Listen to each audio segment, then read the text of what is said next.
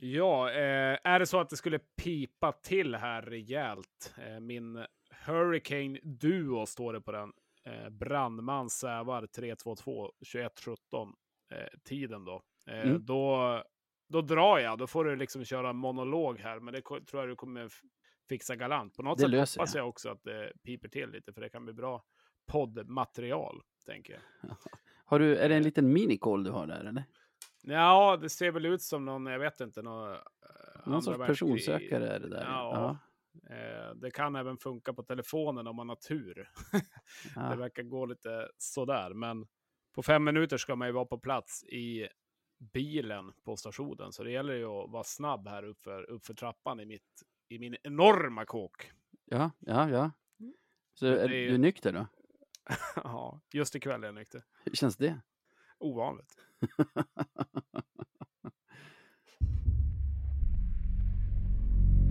Good times, boys. Let's keep the fucking shit train rolling. Take it to the final destination.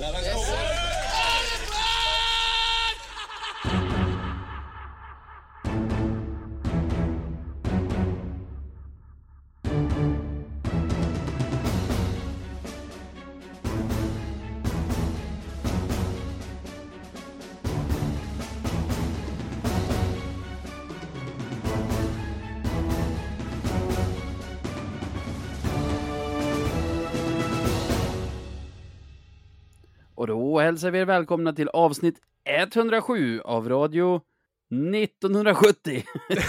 det är Navid ni hör här som försöker göra Sebbes jobb och den som sitter mitt emot mig den här veckan igen är Jesper. Hur är läget? Det är bra, är det. Eh, absolut. Ja, jag fick eh, för nytt förtroende här. Eh, Sebastian hörde av sig och frågade om jag kunde hoppa in. Så då testar man det här med podd igen. Då. Det har ju varit ganska kul, tänker jag. Så att vi, vi provar en gång till. Då. Ja, det är Hur kul mår du grej då? va? Ja, jag mår bra. Kom tillbaka till Stockholm idag efter, efter en vecka ungefär i Umeå.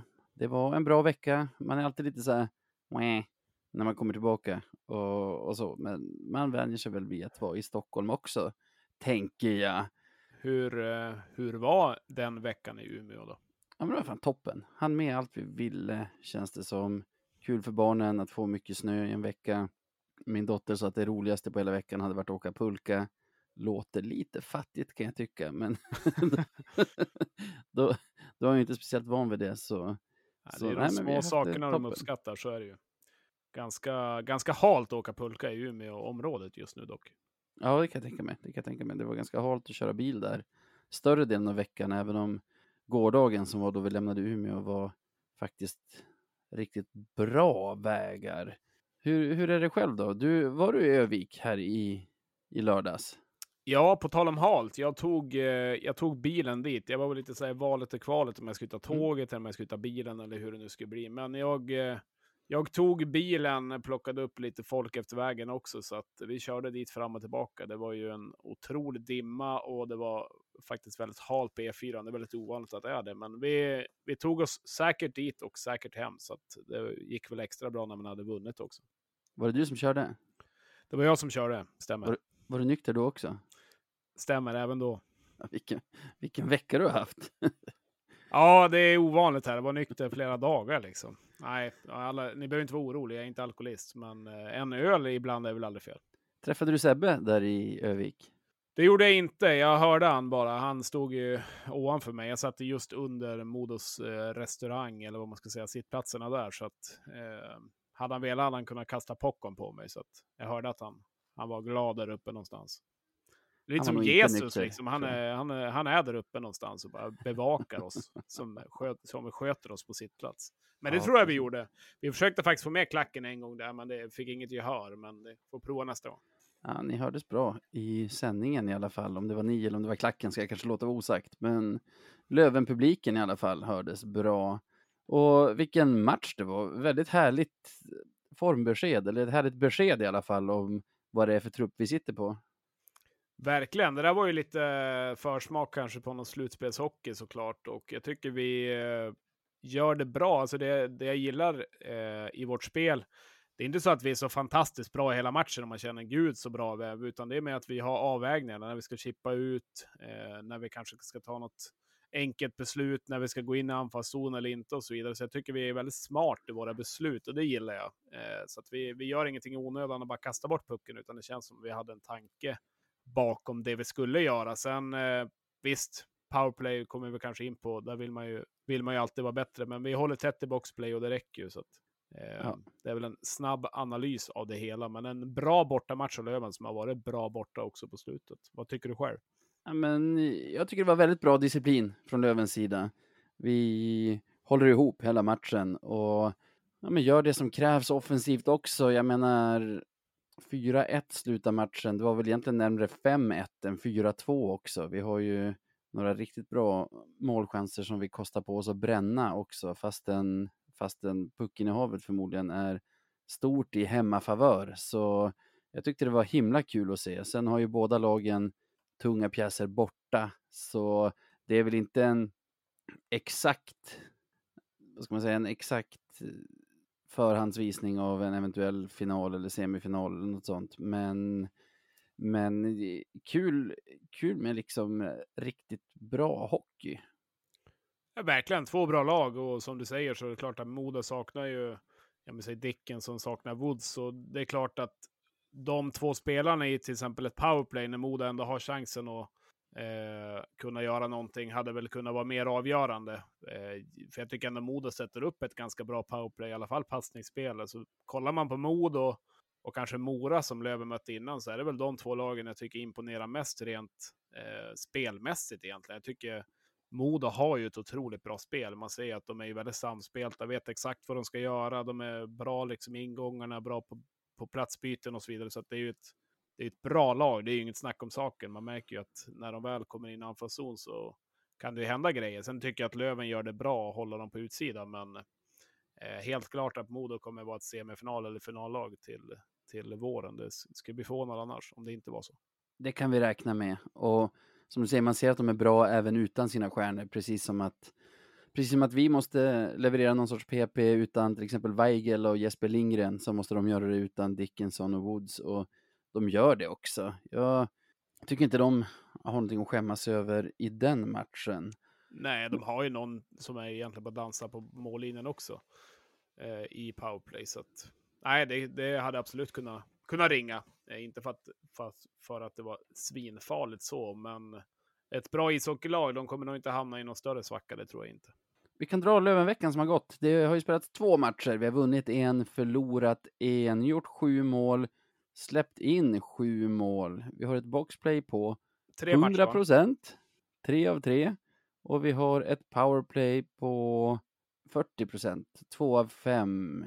Vi har två målvakter som varit i spel varsin match. Jona Voutilainen som släppte in ett av 37 landar på 97,3 procent. Vi har Alex Diorio som släppte in 5 av 27, landar på 81,48 procent. Sa jag fel där i början? Ja, vi hade väl Almtuna först 27, eh, 29 Mora hemma och 30 Modo. Ja, Almtuna-matchen tog vi upp i förra veckans podd, för den Aha, spelades ju okay. redan på tisdagen. Så vi... Jag var ju med i den podden, men... Dessutom. Ja, just det, vi gjorde den på kvällen där. Ja, ja, ja. Du vet, man jobbar ju dygnet runt numera, så att det är ju nog att man ens kommer ihåg livet ibland. Ja, nej, det gills knappt. Men du, vi kan börja med vilket boxplay-party vi har haft. Vi möter ju Mora och Modo som är de två, om man tar bort Björklöven, de två bästa powerplay-lagen i ligan. Och bjuder ju faktiskt inte på så jättemycket utvisningar, men de vi eller på så jättemånga powerplay, men de vi bjuder på löser vi på ett väldigt bra sätt hela vägen. Ja, vi är ju, vi är otroligt bra i, power, eller i boxplay just nu och eh, ja, det känns ju alltid ganska säkert när vi väl får ett boxplay, även när det är en 5 mot 3 och så vidare, så vet man att Rahimi och de kommer lösa det på något sätt. Så att en grym trygghet, eh, liksom det är boxplay, det är powerplay, målvaktsspel och så vidare som ska funka i ett slutspel. Så att eh, Boxplay har man inte varit orolig för, men det ser väldigt solitt ut. Och sen såklart att desto bättre det går, nu gör vi till och med mål ibland i boxplay igen.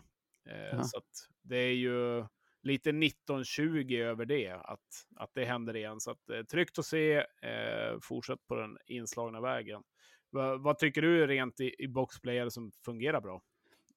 Alltså, vi ligger ju rätt. Vi spelar med, vi spelar med disciplin och jag tycker vi är ganska bra på att vara långt ute och störa och att vi vågar göra det även mot de här två powerplayen som, som de många lag i ligan är ganska skraja för.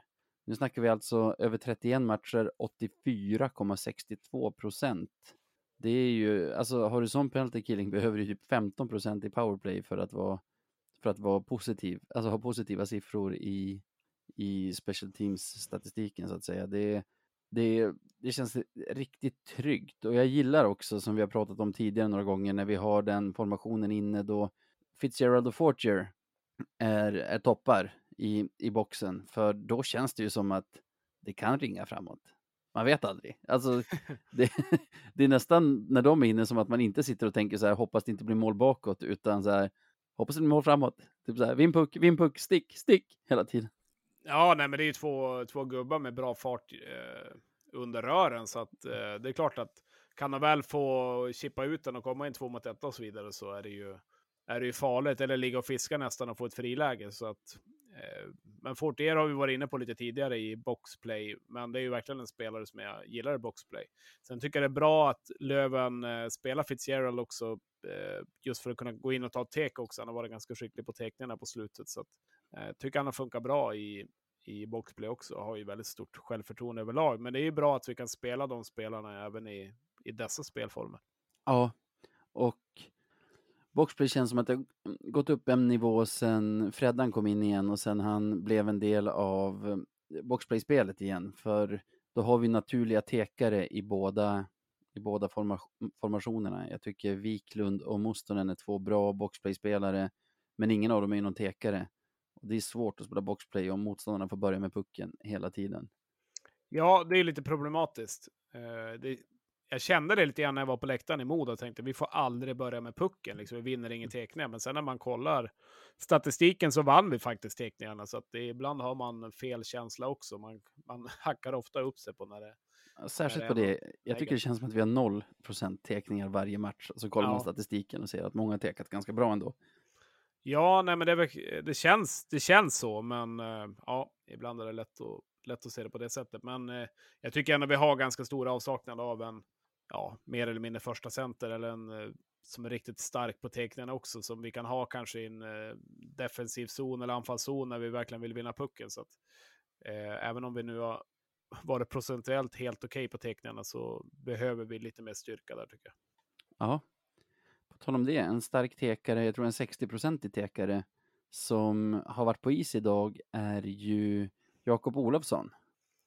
Ja, jag såg det i röd tröja. Ja. Eh, bra. Eh, jag vet inte när, när det har kommit ut där att han är tillbaka då och då, så att då har man väl tagit med en nypa salt och det är klart att det är väl svårt att säga, men det var väl här någonstans man trodde att han skulle vara tillbaka, så att eh, lär väl inte spela nu mot Djurgården på fredag, men eh, hoppas han kan matchas in ganska snart, så att det är jätteviktigt. Jag, jag har saknat eh, Jakob Olofsson, för han är ganska stark också på pucken och kom igång väldigt fint också under året här. Eh, så, och var bra under slutet i förra året också. Så att hoppas han kan komma snart så han får lite matcher också. Det är ändå ganska många matcher kvar till ett slutspel. Så att spela innan och eh, hoppas kanske på någon vecka eller två att han kan vara matchredo.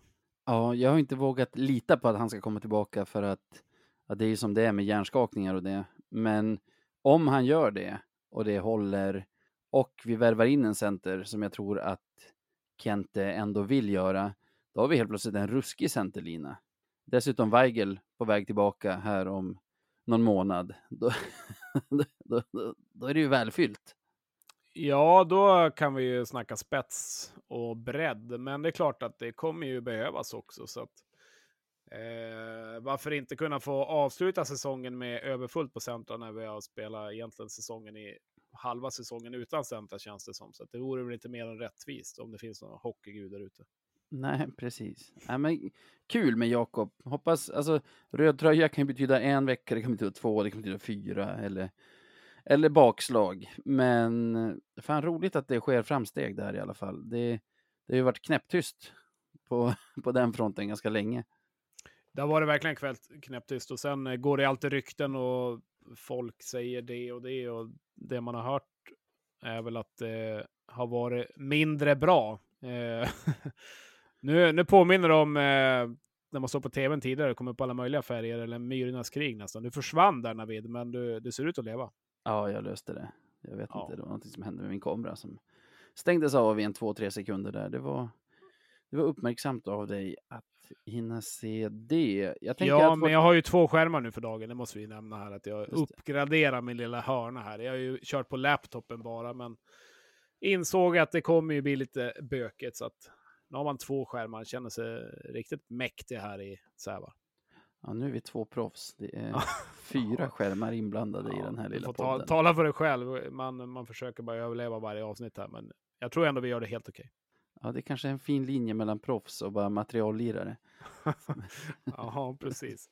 Jag har Nej. faktiskt aldrig varit materiallirare, vill jag ändå, vill jag ändå nämna. Jag har, jag har kört på det som har varit lite grann. Inget, inget tjafs med något tejp och hit och dit, utan in med pucken bara, eller vad det nu kan vara för sport. Så där. Jag tror att, jag har aldrig varit materiallirare heller, men du vet så här, behöver man ett par skor, då vill man ju ha de snyggaste. Och så här, gärna sådana som passar med färgerna man har på liksom strumporna om man spelar fotboll eller. Ja, men det är ändå en annan sak. Då går man ändå på design liksom. Ja, ja. Det, det behöver inte se bra ut, men det får gärna göra det. Men du, boxplay Ja. tänker jag Yes. på. Vi satt ju förra veckan och tror jag till och med utsåg till veckans Marklund, odisciplinen och utvisningarna i Löven. Nu har vi på 60 minuters hockey dragit på oss endast tre boxplay och då, då är det ju lättare att döda utvisningstid om man har, om man har så få.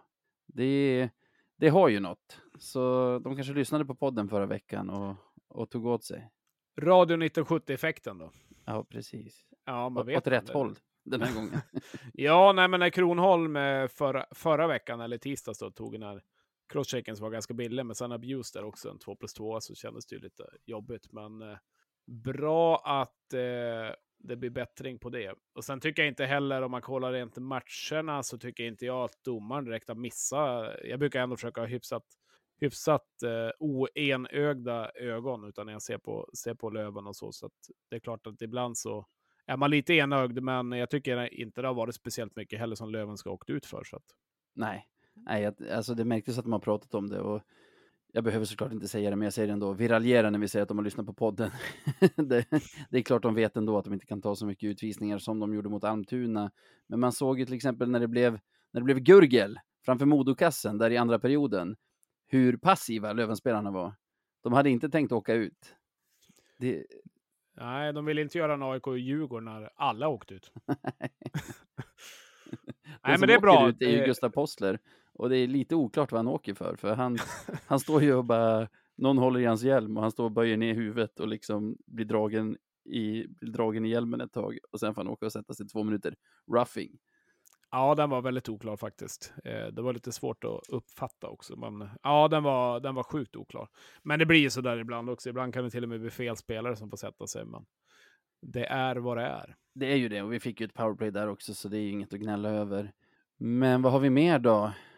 Angående Postler och angående powerplay. Han har ju fått fortsätta för i Modomatchen så byttes ju Fitzgerald in som center i den linan mellan Schilke och Pooley och Postler fick gå till sin riktiga plats som man säger som, som ytterforward i, i nästa kedja. Men i powerplay har vi haft kvar- har vi haft kvar Postler på, på Weigels position. Vad säger du dels om Fitzgerald som ny center mellan Schilke och ja, Schilke och vad säger ni? Pooley. Och Pooley och, och vad säger du om Postlers fortsättning nu när han har fått några matcher under bältet i PP1? Ja, till att börja med så kom väl Fitz in där under Mora-matchen i slutet, eller om det var sista perioden Ja, någonstans. ja, det var redan när vi gick ner på folk där så så, så. fick han hoppa in och man såg väl direkt att det vart en injektion. Eh, det är som att de här transatlanterna behöver varandra ibland eh, för att lira fullt ut. Eh, jag tycker väl att Possler som förväntat kanske inte kom ut riktigt som en första center och kunde fördela pucken till eh, Weigel, eller till eh, Schilke och Pooley på det sättet som Löven kanske trodde. Eh, sen om de bara vill få igång honom nu när han har varit, varit skadad eller vad det sitter i. Men vi har varit inne lite grann på det där att flytta ner eller flytta upp Fitzgerald gör ju att vi tappar lite såklart i de andra linorna. Så att det är klart att de tankegångarna har ju varit. Men jag tycker ändå att vår första lina får inte börja tappa, tappa mark och liksom komma in i någon sämre vad ska man kalla det, sämre spelmässigt eller sämre poängmässig period, utan det är viktigt att de levererar. Så att rätt att flytta upp Fitz och eh, tycker han har gjort det faktiskt väldigt bra där. Eh, känns ganska naturlig. Eh, Fitz har ju varit en av våra bättre spelare rent säsongsmässigt. Eh, så att det är eh, vett, en vettig lösning tycker jag. Ja. Det där på andra, andra sidan. Jo då, jag fick en liten hostattack här, men är tillbaka och jag tycker, alltså jag är inte förvånad att Fitzgerald funkar väldigt bra där mellan, mellan de två spelarna. Det är, en, det är en smart center mellan två briljanta ytterforwards, så inga konstigheter där. Jag var faktiskt positivt överraskad över hur övriga, hur övriga formationer klarade sig, trots att vi blev så framtunga, alltså, så topline heavy, som vi ändå måste säga att vi är med, med Fitzgerald där framme och Weigel borta. Ja, men kollar man också vilka, som, eh, vilka spelare som gör mål i matchen. Nu gör vi i och för sig två mål i tom bur, som vi då Mm. tar Modomatchen. Eh, men det är ändå Kristoffer Bengtsson. Väldigt viktigt att han fick göra ett mål. Det var ett fint förarbete där också.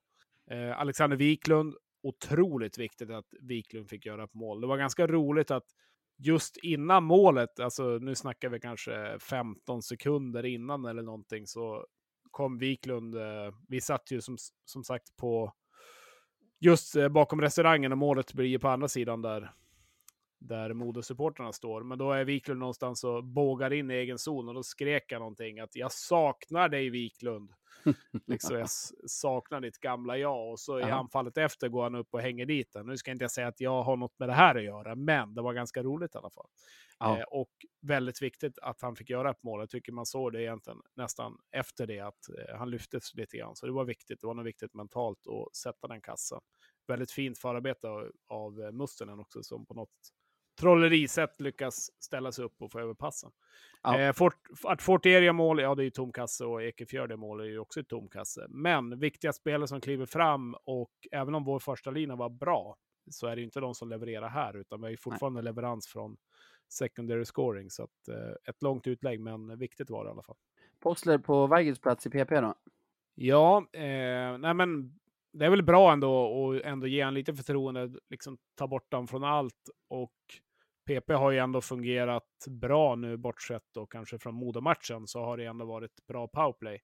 Jag tycker väl att han ska få någon match till, eh, liksom lite chans att visa vad han går för där. Ehm, sen vet jag inte om jag tycker Postler är en PP1-lirare eh, egentligen, som ska få igenom de passningarna och stå för det Weigel gör. Nu är ju Weigel en ganska lurig och säregen ishockeyspelare egentligen med, med hans spelsätt. Men ja, någon match till, men jag är inte superimponerad, det kan jag inte säga, men jag tycker inte det är katastrof heller. Så vad tycker du själv? Jag tycker väl att det inte är så lyckat att ingångarna i zon ska gå genom honom på det sätt som det har gått genom Weigel när han är där. Annars tycker jag att Postler gör det ganska bra där efter den spelare han är. Alltså, man kan ju inte bara kasta in honom och förvänta sig att han ska vara Weigel, för de är ju två helt olika spelare så att säga. Det. Men med det lag vi har att tillgå nu så känner jag väl att det är han, eventuellt Fredrik Andersson skulle jag kunna tänka mig på den lilla, alltså den Gretzky-positionen där som Weigel brukar stå i. Annars vet jag inte vad vi har för, för det känns som att det måste vara en leftare som står där och jag vet inte vilka som skulle kunna vara aktuella annars. Liksom Kristoffer Bengtsson vill man ändå ha i cirkeln i PP2. Du har Wiklund, Mustonen. Nej, jag alltså i den sets vi sitter i så tycker jag väl att det är rätt att han spelar där. Jag skulle kanske hellre se att vi hittade andra ingångar i PP än att, Ja. än att ta den där passen på, på Postler i mitten. Men jag menar, vi är ju där vi är och har de spelare vi har just nu och vi har ju ändå två mål på fem powerplay den här veckan. Ja, båda från Fitzgerald, så man ska väl inte gnälla för mycket på powerplayet heller. Jag vet inte. Nej, nej, absolut inte. Det är, det är ingen dålig trend på något sätt i powerplay. Jag menar, ibland gör man bara inte mål i powerplay, så att herregud, vad ju varit hur bra som helst där. Så att, eh, nej, det är, jag menar, fortsätt, eh, fortsätt eh, gnugga på som innan. Och är det så att man ser någon trend i flera matcher så klart så måste man ju hitta på någonting, men annars så tycker jag det är bra. Men jag tror nog att de redan nu har satt sig vid ritbordet och tittat på ingångarna. För det var väl där man märkte en stor skillnad. Men jag tänkte på en annan grej. Du pratade ju om, eller vi pratade om att det målades en del utanför första kedjan. Och de Mm. som följer mig på sociala medier har redan hört mig prata om det här. Jag tror jag har nämnt det i podden också. Men om vi snackar Bengtsson som gjorde första målet mot Modo så har ju han haft en ganska lång skadeperiod den här säsongen. Men i de senaste åtta matcherna har han, han har varit tillbaka lite längre än så, men de senaste åtta matcherna har han och Alex Hutchings gått bredvid varandra i samma kedja. Och då är de två tillsammans med Kilki de, de spelare som gör flest poäng i laget över de här åtta matcherna. Det är nio poäng på Bengtsson, nio på Hutchings och ja, nio på Kilki också. Men där har vi verkligen i 5 mot 5 våran absolut bästa formation just nu. Ja, nej, men det är kul att se. Det är ju en sån som Hutchins till exempel är ju som på nytt född. Eh, tycker jag egentligen under, under Stråle. Jag tycker han har, han har varit bra. Eh, helt enkelt. Sen kan det vara vissa såna disciplinära grejer som man ibland har tänkt, vad håller du på med lite grann? Men Hutch måste få vara Hutch också. Liksom. Han, han behöver få släppa lös lite grann ibland och vara den, vara den gnälliga eller den som, den som snackar lite skit, framförallt nu när Crandall är borta. Så att han, han, han behöver ta den lite grann. Men eh, jag gillar ändå Hutch, eh, spel nu. Jag tycker han får till sitt skott bättre, eh, känns lite smartare, jobbar lite hårdare också. Får pucken i rätt lägen också. Ja, absolut. Nej, men Hutch, Hutch är ändå en positiv säsong måste jag säga. Eh, Bengtsson, eh, ja men lite sån här personlig favorit ändå. Jag tycker han eh, jobbar bra, bra under rören. Nu är det här målet jag gör mot Moda också ganska lurigt, bara liksom kasta in den, men eh, gör det ändå med, med tanke. Eh, så att bra att vi får igång en till lina också, väldigt viktigt. Och som du säger, de har varit bra i 5 mot 5 och skap, skapar bra också. Så att fin, fin kemi där tycker jag. Hutchins har varit lite lidande tidigare under säsongen av att, alltså både han, Mustonen och Wiklund har ju varit lidande av att spela i en kedja utan någon naturlig center. Som de ju gjorde egentligen hela vägen fram tills att Freddan kom tillbaka in i laget och man kunde formera om lite. Men jag tycker ändå att man har sett då när de har haft det tungt att i försvarsspelet till exempel är det nästan aldrig det har hänt någonting från, från Hutchings yta, alltså från den motståndarback som han ska ha koll på, eller det hörn han ska liksom stänga ner. Så det är ju en spelare som, som du säger, har börjat få till det och får till det nästan varje match sedan Stråle kom in för snart ett år, eller för nästan ett år sedan. Så nej, det är kul och Bengtsson, han drar ju med sig Hutchings, alltså jag tycker att det är länge sedan man såg Alex Hutchings spela med sån fart som han gör nu och det, det skulle jag nog vilja credda Bengtsson för, för det är en spelare som, som driver, kör, alltså som, som driver upp tempot och, och får med sig sina lagkompisar. Jag tror inte det är dumt för dem att de har Oliver Johansson där i mitten heller. Det, det, är, det är en bra match, de där två tillsammans, så jag hoppas att, att vi får se en fortsättning mellan dem oavsett vad vi får in för centrar här framöver och, och vad det blir för vad det blir för gubbe mellan dem. Ja, alltså kollar man, kollar man Hatch, han är, han är ju ändå van att göra, göra poäng. Och kollar man senaste säsongerna, 19-20 hade han ju en otroligt stark eh, säsong. Jag menar, han gör 19 plus 29, så att då fick han ju leverera och fick ju såklart lite mer förtroende också i ett, eh, i ett powerplay och även i första linan. Då. Men 48 poäng, 39 poäng året efter, 30 poäng förra året och nu ligger han på projektet 30 poäng igen. Så att med Hartz får man ändå ut de poängen lite grann. Så att även om man tycker att han är si och så ibland och så vidare, så det är ändå en poänggörare och en viktig spelare för Löven och framförallt en eh, spelare som vet vad som krävs varje dag. Han sprider gott, god energi också i, i laget. Det är en riktigt trevlig filur. Så att, kul att han eh, kommer igång igen och eh, jag tror att han kan, eh, han kan nog nästan måla upp en eh, 15-20 mål i alla fall. Och jag menar, får man det så, så är det bra. Får man det från en tredje linespelare så är det ju otroligt bra. Jag tror att de som, de som är besvikna på honom kanske är de som jämför honom med hans prime när han spelade i vår, i vår första kedja och i vårt första powerplay och liksom hade den rollen i laget. Jag tycker att, nej, jag, jag ser ingen anledning att klaga på honom. Jag nämnde de här senaste åtta matcherna när han och Bengtsson har lirat tillsammans, att de stod på nio poäng tillsammans med Kilki. Tittar man bara på fem mot fem över de här åtta matcherna så är de överlägsna i laget på åtta poäng vardera i fem mot fem. Trea och fyra är Poli och Rahimi med fyra poäng på, på samma, samma antal matcher. Så äh, de är heta. Och som sagt, med Weigel borta då första kedjan inte var vad, vi är vana vid så, så är det otroligt viktigt för oss. Du, du nämnde Rahimi där också rent poängmässigt. är ju, är ju ganska intressant. Han går ju ändå mot en, ja just nu en 20 poängs, poängs eh, säsong. Så att eh, han, eh, han går mot rekord just nu i alla fall. Jag menar, han ligger ändå på en två kassa framåt och det får man ju säga. Det, det är ju mer, mer än godkänt, men i alla fall en 10 ass.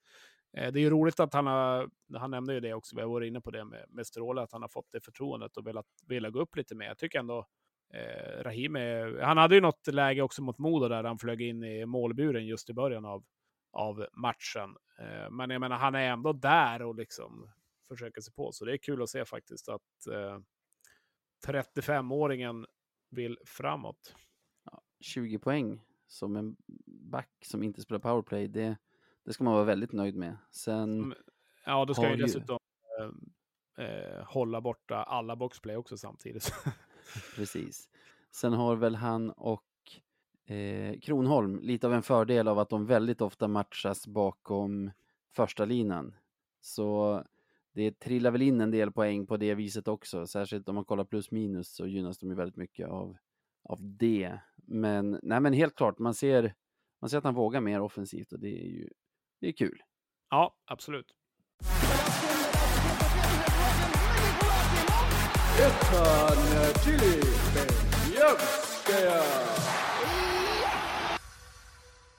Ja, åter en vecka och åter en veckans Beliavski. Det är väl inte mer än rätt, tänker jag. Och även att avsnitt 107 ska ha det innehållet.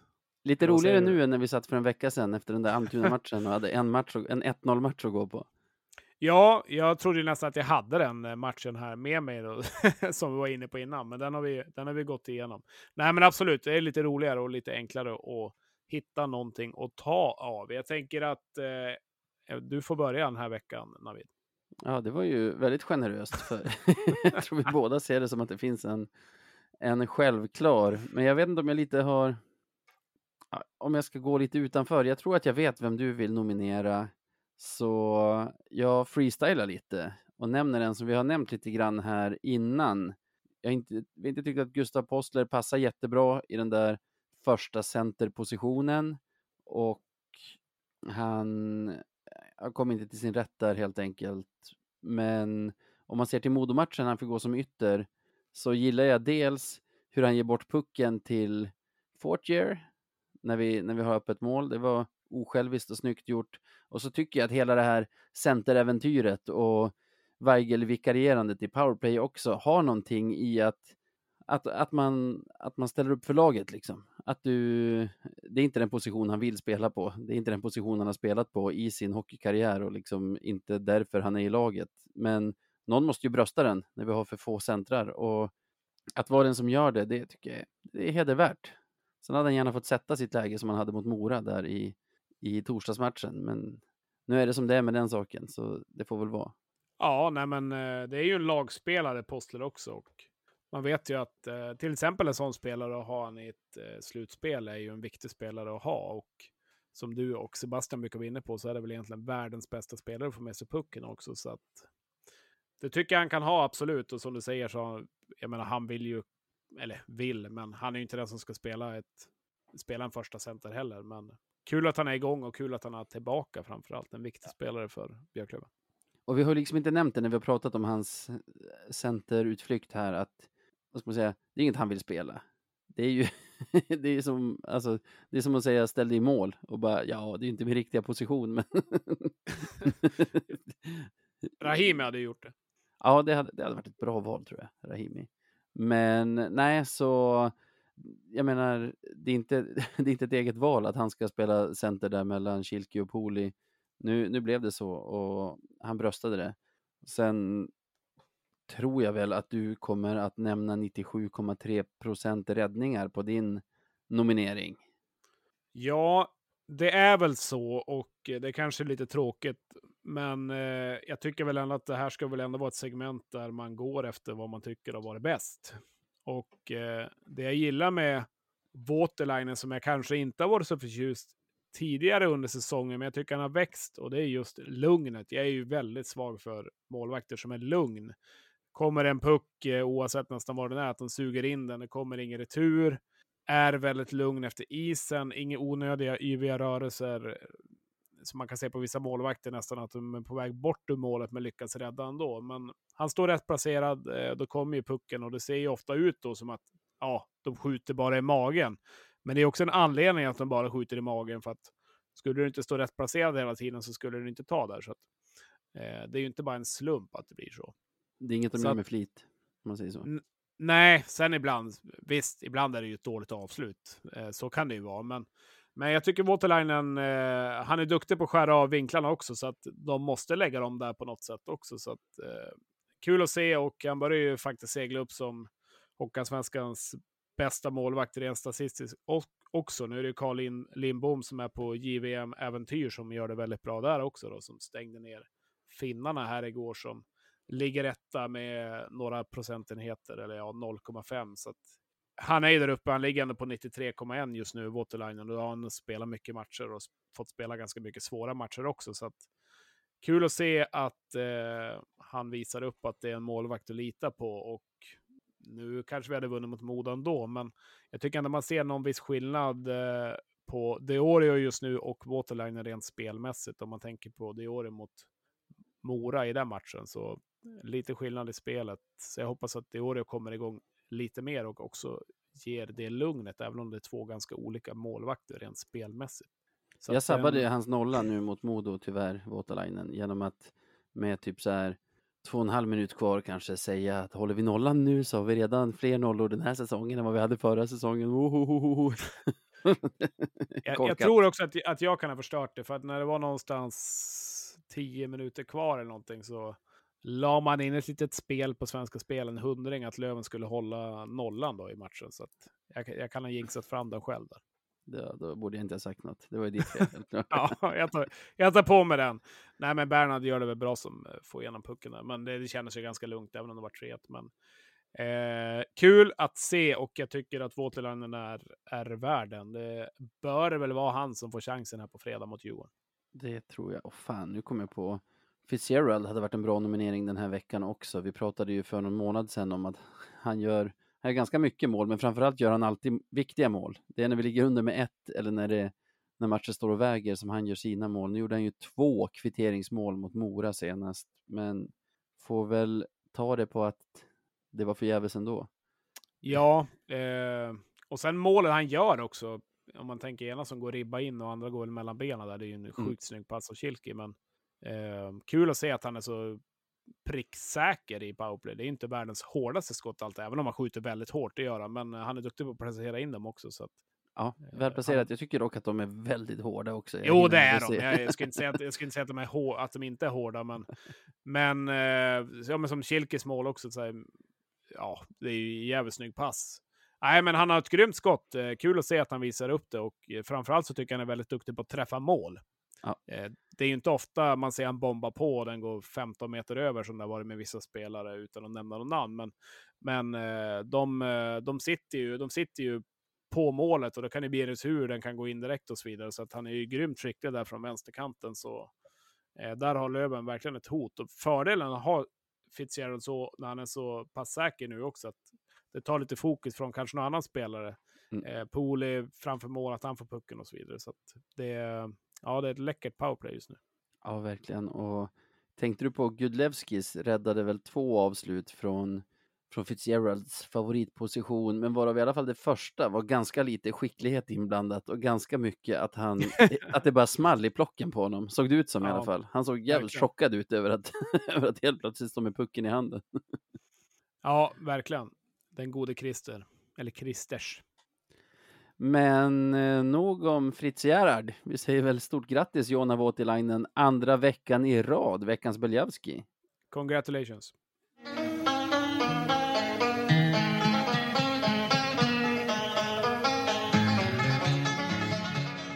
Veckans Marklund.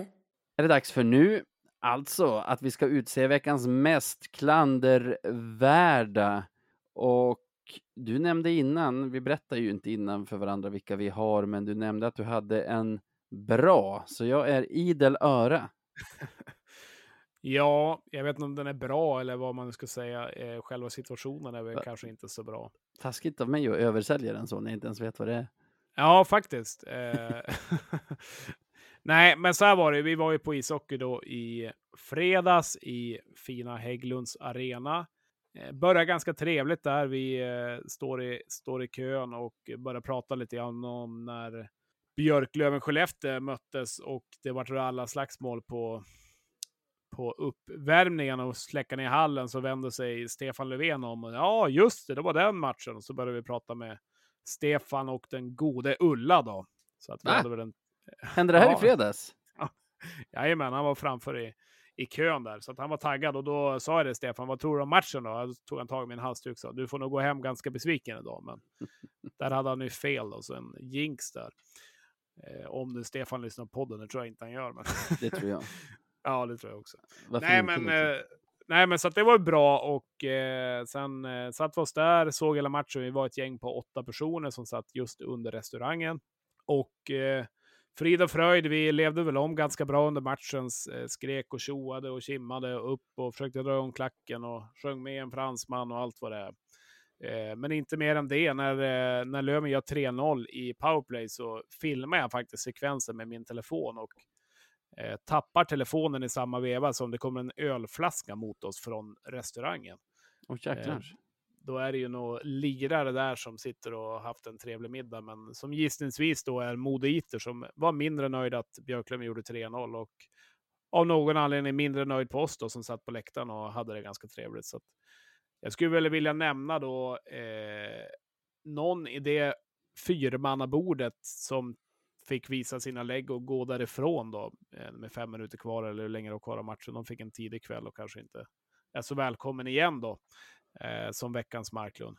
Eh, sen skulle jag vilja ge cred till vakterna som gjorde det väldigt bra och höll undan dem och allt gick lugnt och fint till så det vart ingenting med det. Men eh, tråkig situation. Eh, kul att Löven gjorde 3-0 och kul att Löven vann givetvis. Men det var väl lite onödigt det där eh, kan jag väl tycka. Kan hålla med. Så, En lång nominering vart det. ah, nej, det tycker jag inte den var så lång. Jag tycker den är bra. Det var, var spännande med, med Löfven, men det får jag ju släppa nu, för, det, för han var ju inte klandervärd. Men att han, var, men att han inte hejar på Löven, det är ju en- det är ett karaktärsbrist, får man säga.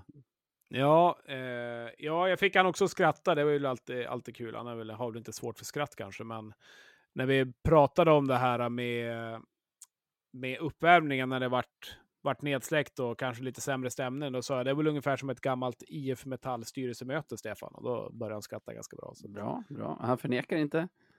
Nej, det gjorde han nog inte. Ulla skrattade också, så det, hon vet väl hur det har varit när Stefan har kommit hem från de där mötena. Hon verkar härlig. Ulla Löfven.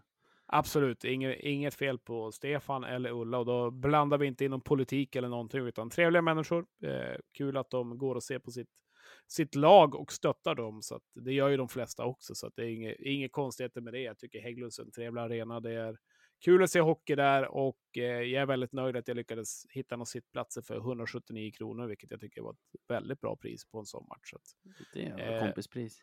en bra upplevelse på alla sätt, förutom just ölflaskan som var lite onödigt. Det var trist. Okänd modoit nominerad. Modo... Kan Midiot. Också tycka det är onödigt att kasta bort öl i inflationstider. Ja, var, var det något kvar? Fick du i alla Ja, fall det en klunk öl för besväret? Eh, Eller? Det kom någon, kom någon skvätt där i alla fall. Ah, perfekt. Jaha, jag sitter och drar mig för jag avskyr att prata om domarna här. Jag var nästan glad att jag hade något annat än domarna faktiskt. och an, alltså anledningen att jag avskyr det är ju att, jag vet inte vad man ska säga, alltså för det första tycker jag sen några år tillbaka, alltså för så här fyra, fem år sedan, då kändes det som någon sorts skyddad verkstad, det där hockeydömeriet. Det, det var som att medierna knappt vågade, vågade eh, peta på det och att man kände sig som, att, som en galning när man, när man tyckte att, att det var dåliga domare i Hockeyallsvenskan.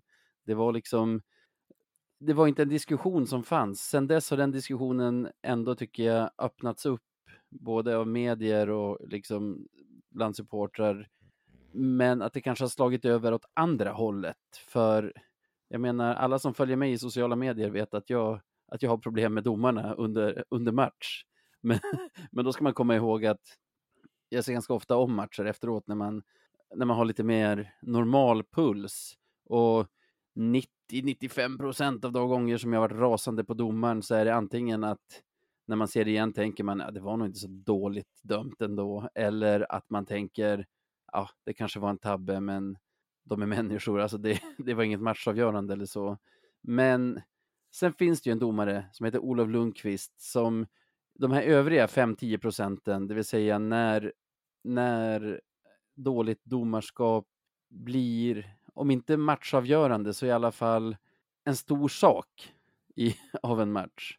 Och, och han är väldigt ofta inblandad när det är så. Nu har vi Mora-matchen där de gör sitt 4-2 mål där Alex Diorio blir pååkt av en Mora-spelare innan.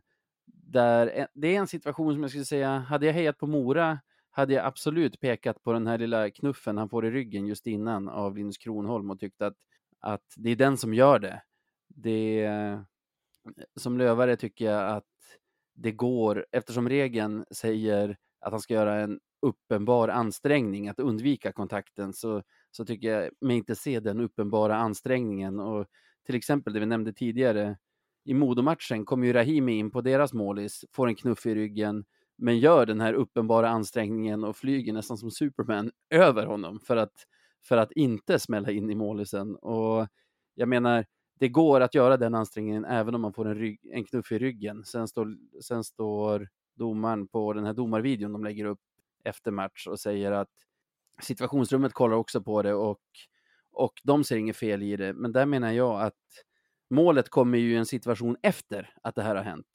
Situationsrummet går inte tillbaka och kollar om, om det skulle varit en två minuters utvisning på Mora i en, i en tidigare situation. I, alltså, när målet faller så är det ett regelrätt mål eftersom det är ingen som stör Diorio i målgården. Det, det är bara det att enligt, enligt min enögda mening så ska det vara två minuter på Moraiten där. Men det är, det är inte den stora grejen, utan sen har vi ju en solklar tripping på Scott Pooley som kommer som en väldigt olycklig domarmiss timingmässigt, för där har Löven tagit igen till 4-3 och har en sån här period där man öser på och öser på, och spelar mot, spelar mot H och man känner att 4-4 målet kommer när som helst.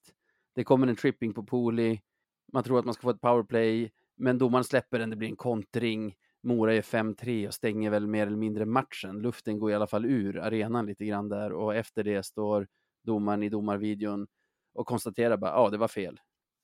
Och det är en sån här, man bara, ja, vi vet. Alla som ser den domarvideon vet att det var, att det var fel att inte ta tripping där. Man skulle hellre vilja veta varför de inte tar den när de står en och en halv meter ifrån, när det händer, på en puckförande spelare så att man verkligen, verkligen borde se det. Och jag vet inte, vill du komma in på någon av de här diskussionerna? Jag bara pratar och pratar. jag lever här på andra sidan. Nej, jag tycker det är härligt att du kan, kan eh, beskriva det på det sättet. Nej, men eh, till att börja med målet, eh, första målet och 4-2 där, så tycker väl jag personligen att det är rätt att döma mål. Eh, sen kan jag väl hålla med om kanske att han försöker inte undvika det, men jag tycker ändå det är en ganska solklar putt eh, och att Diorio ändå får lite tid att komma i position igen. Så det var ju surt att det blir på det sättet. Men eh, som du säger med, med målet när det blir en spelvändning så tycker jag ju domarna är ganska osmart också. Eh, dels läget som Löven är, eh, spelar ganska bra. Känns som att vi kommer göra 4-4 egentligen, att det bara låg i luften. Eh, det är så pass uppenbar tripping egentligen. Visst, Moraspelaren ligger ner, men det han, det han gör i situationen är att han vänder sig om med klubban och verkligen, verkligen förhindrar... Whack! Ja, alltså det är ju det är en sak om man liksom skulle ramla och i samma situation kommer, kommer Löven-spelarna och liksom åker på klubban och ramlar på det sättet. Då tycker jag det inte är en uppenbar tripping. Men nu ramlar han och vänder om, gör en rörelse, försöker verkligen förhindra att Löven-spelarna ska komma förbi och klipper benen. Det är inte så att det är en diving på något sätt heller som vissa har skrivit på sociala medier. Vi förstår inte alls. Eh, kanske att han flyger lätt eller hur man nu vill kommentera. Men det är, en det är inte en diving, det är en tripping. Eh, solklar tripping. Jag tycker det är väldigt konstigt att de missar den. Men sen även om man missar en situation ibland så kan man ju vara lite smart som domare. att Oj då, nu ser vi att det börjar bli en spelvändning eller någonting händer och den där situationen var med lite innan, även om det går snabbt. Ta trippingen då istället. Ta den lite Mm. sent, ta den fem sekunder efter eller vad som Mm. helst. Visst, det kommer bli lite gnäll, det kommer bli livat från Mora-spelare som inser att de hade, hade, hade en bra spelvändning på gång, men samtidigt så kommer det bli, det kommer bli bättre i det stora hela av den situationen. Eh, det är lite samma sak AIK-Djurgården, de tar in en domare som har spelat sju år i AIK. Vad tror de kommer hända där? Tror de, att det, tror de att det kommer vara hur lugnt som helst? Får AIK med sig några lätta utvisningar blir det gnäll om det. Får Djurgården med sig lätta utvisningar blir det gnäll om det. För att Mm. då, då vill han hålla igen och så vidare. Så att ibland så sätter sig domarna, tycker jag, i ganska dumma situationer. Ganska onödiga situationer och den hade kunnat undvikas. Även om de missade den i början så hade den kunnat undvikas ändå. För någon av alla fyra domare, eller i alla fall två huvuddomarna, bör se den situationen. Så jag tycker det är alldeles för dåligt att de inte tar den. Och nu är det ju otur också att det blir så pass matchavgörande. Det är ju inte alltid det blir ett mål. Men ta utvisningen så slipper man sätta sig i den situationen. Ja. Sen tycker jag, du nämnde 4-2 målet. Minns jag att jag sa i pausen efteråt att tycker han inte att det ska vara en utvisning där så är det ganska bra gjort, starkt gjort att inte ta den. För det lättaste när det händer där rakt nedanför hemma, en för dagen jättestor hemmaklack vore ju att, att ta den. Om det, om det är en 50-50, att liksom välja att ta den. Det gör han inte och det får väl vara i så fall. Det, det är ju inte den situation som någon Löven-supporter egentligen stör sig mest på. Sen vet jag inte, om man pratar domare så här, det blir ju ganska mycket hets, dels mot domarna, dels mot ligan och mot Björn Wettergren. Och där måste jag ändå på något sätt säga, alltså visst, har vi, har vi, lite, har vi för dåliga domare i Hockeyallsvenskan sett till liksom kvaliteten på övriga hockeyn? Ja, absolut. Men jag tycker att ligan verkar på något sätt ha tagit det på allvar. Jag tänker på det här att man till exempel har infört professionella domare nu. Ja, Att, att det är deras jobb. Det är ju helt otroligt att man inte har gjort tidigare. Jag förstår att det är en pengafråga, men i elitidrott vill man inte ha amatörer, alltså folk som gör det som en hobby på de, liksom, några av de viktigaste positionerna på isen. När, när det är så mycket pengar inblandat i övrigt. Liksom. Och sen tycker jag Björn Wettergren, jag har ingen relation alls till honom, men de jag känner som, jag, jag har en kompis som har varit en hel del i kontakt med honom och är imponerad, tycker att han verkar göra ett, ett stort jobb där.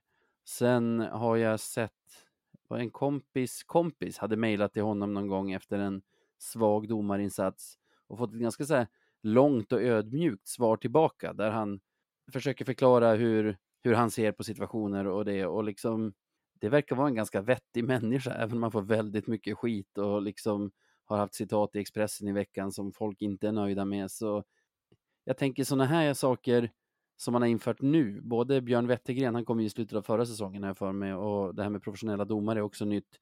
Det ger ju inte utslag direkt, men på sikt så tänker jag att det nog är rätt väg att gå och att man kanske kommer att få se en förbättring också. ja absolut. Och eh, för att kommentera det så nej, jag har väl ingenting eh, att säga om domarna egentligen överlag så. Det är klart att vissa gånger så vill man kanske ha bättre nivå, men så är det nog oavsett vad man, vad man ser på, höll jag på att säga. Sen spelar vi också i en andra liga, vi spelar inte i första ligan, så att eh, Eh, kraven därefter. Men eh, domarna överlag så, eh, jag vet inte, det är väldigt sällan jag gnäller på domarna, men sen kan det ju vara vissa specifika situationer, till exempel som den här som vi tar upp, där där man tycker att det ska finnas lite mer smartness i det hela. Jag köper att man missar situationer för att det går snabbt, men där gick det inte heller så vansinnigt snabbt. Så att, då kan man inte skylla på det. Så att, eh, ja, eh, mot Wettergren, ja, ingenting att säga så alls. Har ingen, ingen kommentar alls egentligen. Han, han gör nog så bra han kan. Då har vi Olof Lundqvist och vi har Midioten. ja, jag tycker han kan. eh, Det blir Olof som tar den va? Ja, jag är lite osäker ändå. Mhm. Eh, jag vet inte fan alltså. Kastar man, en, kastar man verkligen en ölflaska på en ishockey, ishockeyarena mot några okända människor? Jag, jag är tveksam. Absolut alltså. inte. Men vem är offret? Vad hände? Vem som får den? Nej, jag menar vem är offret i, i flaskkastningen? Jaha, eh, nej, en, en, en i vårt gäng. Det var väl inget större så. Nu var det ju också... Oj, det var det in- kroppsträff? Ja, ja, absolut. Sen får den ju ner Oj. på... Sen, eh, sen ska, man också, ska jag också tillägga då att eh, det här var ju en, en flaska, jag vet inte vilket, la inte märke till om det var en Carlsberg kanske, men det var ju, det var ju inte glas utan det är ju av plast då. Eh, så Ja, det men ändå. också- Ja, lite onödigt. Va, Eh, men, så- oj, alltså, träff, alltså, var det träff-träff? Alltså det var inte att den landade i betongen, studsade lite, gled och att du, din polare fick den på foten, utan Nej, den träffade, vart den exakt träffade, det vet jag inte, men den träffade, träffade på en av vårt gäng i alla fall. det Gjorde den. Ja, shit, det fattade jag inte. Jag trodde att det bara hade kommit inflygande på liksom på er sektion. Du hade fått kanske lite ölskvätt på tröjan. Men Ja, nej, så att eh, jag tycker att eh, det är ändå en så specifik händelse, så att även om jag tycker Olofs agerande här vi, var väl sådär, men ah, kasta in ölflaskor, det tycker jag är big no-no faktiskt. ja, det tycker jag också. Bara trist. Jag tänkte nu när vi tömmer domarämnet för att aldrig prata om det igen så skulle det i alla fall leda till en utmärkelse. Inte bara att man har suttit och gnällt i fem minuter i onödan. Ja, Men- jag, är inte, jag är inte den som är den, ge den till Olof Ja, ja okej. Du... Eh, sämre förhandlat av dig, för jag var just på väg att ge, ge mig. Men bra. Grattis Olof! Veckans Marklund. Grattis!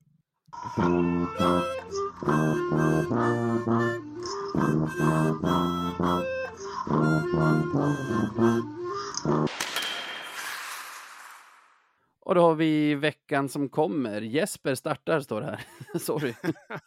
ja, härligt, härligt. Ja, veckan som kommer. Idag är det ju den 3 januari. Det är en tisdag och det är 2023. Och vi har väl eh, en av årets höjdpunkter i Vimpos arena på gång här. Fredag, Djurgården kommer på besök. Tar mig väl eh, direkt till minnenas eh, matcher när Djurgården var på besök eh, sist när vi låg under där vid 2-0 eller vad det var. Det var slaggis och det var någon djurgårdare som skulle upp på läktaren och det var ett jäkla hallå och det var en trevlig, trevlig kväll över en och det var bra drag på läktaren så att jag förväntar mig inget annat. Det är en fredag, eh, det är röd dag. Det kan säljas en del alkohol i Umeå tänker jag. Eh, jag tror att det här kan bli en riktig fest och eh, kul att få se tvåan mot trean i serien också. Så att eh, det är väl det jag har att lägga ut här om veckan som kommer. Ja, Lövens seger i den matchen du var på, va? 4-3 eller något sånt vill jag säga. Nej. Alltså den tidigare matchen mot Djurgården. ja, Ja, Löven vann. Det kan ha blivit 4-3 eller någonting. Jag kommer inte ihåg. Vissa är Rainman och kommer ihåg allt där och när de gick på toa och allting. Det gör jag tyvärr inte, men vi vann den matchen. Det var det viktigaste i alla fall. jag minns det som att, eller det jag minns från den matchen var en målgranskning som vi inte fick med oss. Där liksom, om det var Stefan Öhmans klubba ligger mot Djurgårdsmålvaktens benskydd. Alltså pucken ligger mellan klubban och benskyddet, allt är inne i målet. Men pucken syns liksom inte på videobilderna, så vi får inget mål. Eh, är det 2011 det här? Nej, Nej. inte 2011. 2000, 2014 kan det vara det eller? Nej, jag vill säga att det är vår första säsong sedan vi kom tillbaka från ettan, alltså 13, 14 och att det var under den där raddan när Löven bara vann och vann och vann och vann. Innan Kan vi började stämma. förlora, förlora, förlora, förlora. Som vi gjorde sen. Ja, men det kan stämma att det ligger där någonstans. Nej, men det var en ganska, ganska trevlig match faktiskt. Så jag förväntar mig inget annat än att det blir bra drag i ladan. Nu eh, ser det väl ut som så att mest troligt så missar jag den matchen så att eh, får se den på tv. Men eh, ja, det blir ju en eh, spännande batalj. Ja, håller med. Vi jag kommer ju inte att tippa seger och du vill nog tippa seger så det spelar ingen roll vem som börjar. Jag tror att Djurgården kommer starka trots att de har ju match redan onsdag medan vi får vila fram till fredag. Vi har hemmamatch. Du hör hur ologiskt det här är. Lite om kampen om andra platsen och kanske hemmafördel i semifinal, i en semifinal mellan de här lagen. Så mycket står på spel. Jag har bara en magkänsla, det som jag alltid har, att Löven ska förlora. Så jag, jag säger det nu också. Det blir en, det blir en 2-4. 2-4 till Djurgården alltså. Eh, Olle Liss ja, målskytt, jag lovar. Olle Liss hänger dit den. Det har väl hänt förut i Umeå. Ja, eh, Djurgården har väl, eh, de har inte varit direkt skadedrabbad så, men de har ju haft lite skador i alla fall. Klasen bland annat, det är klart en 30 plus-åring vad han nu är. Kan man väl förvänta sig att det kommer lite känningar. Kruger och Brodin har ju varit skadade. Framförallt Kryger, en väldigt viktig spelare som har varit bra i Djurgården. Eh, ser väl ut som att de tränade för fullt här igår, så de är väl kanske med då mot, mot Djurgården. Eh, Klasen är tillbaka i träning också. Så att, Mot eh, Björklöven va? Vad sa du? Mot Björklöven va? Ja, eh, mot Björklöven ja. Så att det är lite spännande att se vad som, vad som händer där. Sen har ju Djurgården lite spelare på, på JVM och nu när Sverige vann då mot Finland så är ju absolut inte Lindbom och Lekkerimäki och allt vad de heter tillbaka. Då. Så att ett litet försvagat Djurgården på det sättet. Och fredag kväll, röd dag, eh, det är håll igång i ladan. Så jag tror Löven faktiskt tar en ganska klar seger i den här matchen. En eh, 5-1 som jag brukar gilla att tippa. Så att 5-1 Löven. Löven tar ledningen ganska tidigt och rider på det egentligen hela matchen. Djurgården gör väl något skräpmål där i slutet, men annars så en ganska klar seger. Lite som när Löven mötte, Djurgården, eller mötte Modo hemma här tidigare när det varit 5-1. Mm, någon, liknande match tror jag faktiskt. Jag tror att vi kommer visa att vi är ett bättre lag än Djurgården just nu i alla fall. Jag hoppas det. Vi hade ju bortamatchen då du var nere i Stockholm också, då vi förlorade med, vad blev det till slut, 4-1 eller något sånt. Och Ja, 4-1, 4-2 eller något sånt. det jag tycker att Löven var det bättre laget i alla fall 40 minuter. Det var himla surt att inte få- med sig någonting alls där. Så, Ja, du, vi åkte ju på en ganska konstig utvisning då också när de, eh, ja just det. Crosschecking avgjorde på Fitzgerald när de avgjorde Djurgården. Eh, nej, då tycker jag Löven var väldigt bra spelmässigt. Kanske lite stor respekt i början, men eh, ja, jag menar det. Eh, Djurgården var bra i början också, brukar ofta vara, kunna vara ganska bra också i början av matcherna. Så att, eh, jag tror det blir något liknande här. Det blir, det blir att hålla i för Djurgården, för jag tror det kan gå undan lite grann. Ja, nej jag hoppas verkligen på det. Du, om man vill kontakta oss, hur gör man då? Ja, då kan man ju eh, antingen eh, mejla oss, kan man göra. Eh, podcast at radio1970.se. Eller om man gillar eh, sociala medier istället så kan man eh, jobba in Instagram eller då Twitter där vi numera finns. Eh, och Radio 1970 SE hittar ni oss. Så gör gärna det. Skicka in någon eh, rolig limerick eller kanske någon hund eller kattbild eller vad ni nu har att bjuda på så kommenterar vi gärna där. Och, eh, Allt ni tas bara- tacksamt emot. Men sen vill jag också att ni Ja. ska hålla ögonen öppna. Ni fick ju supermåndag i måndags. Ni fick ju, ni får det här avsnittet nu, ett onsdagsavsnitt. Men vi har ju supervecka för på fredag inför matchen mot Djurgården så släpper vi ju också en intervju med Olle Liss som du har gjort här i veckan. Ja, det blir ju det blir ju kul faktiskt. Det är en 40 plus minuter som kommer till er också. Det är ju otroligt egentligen att vi både kör måndag, onsdag, fredag. Eh, det är ju vissa andra lite hockeypoddar som jag såg hade hockeylov här i fredags. Eh, eller de hade fortsatt lov då, men det kör inte vi, utan vi bjuder på så mycket vi kan. Nej, Men jag eh, pratade med Olle Liss eh, dagen efter julafton och eh, gick väl igenom lite grann eh, vad han tycker om eh, sin säsong, eh, nu bytet med Fagervall, lite grann om värvningen när han kom till Djurgården, vad som hände där och så vidare. Så att jag tror att det kan bli ganska matnyttigt och intressant för, eh, för både lövare och andra, får jag hoppas. Så att eh, planen är väl att eh, fixa fram den till på fredag. Toppen. Nu kommer en limerick. Eller, det, vi ska säga så här. Den kommer från, för det första, den kommer från Stefan Nordqvist, heter han väl. Eh, han som kallas för motgångssupporter på Twitter. Ja, det är ganska bra namn. måste jag säga. Är riktigt bra namn. En god internetvän till mig. Jag skulle påstå att det börjar som en limerick, men han, det är mer av bara en komplett dikt när, när han väl går i mål. Så, men vi har överseende med formatet. Vi, vi gillar all typ av lyrik. Är du beredd? Jag är beredd.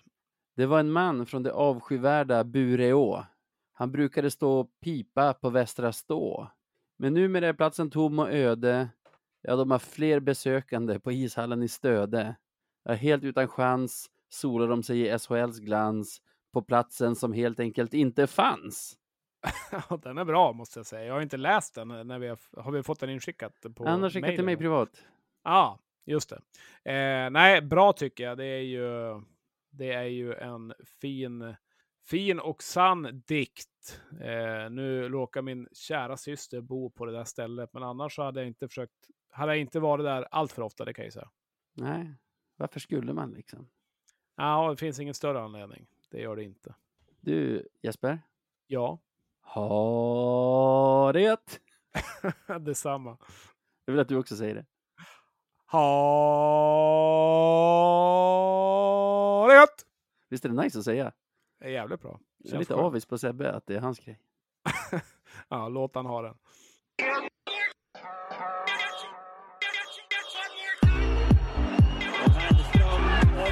We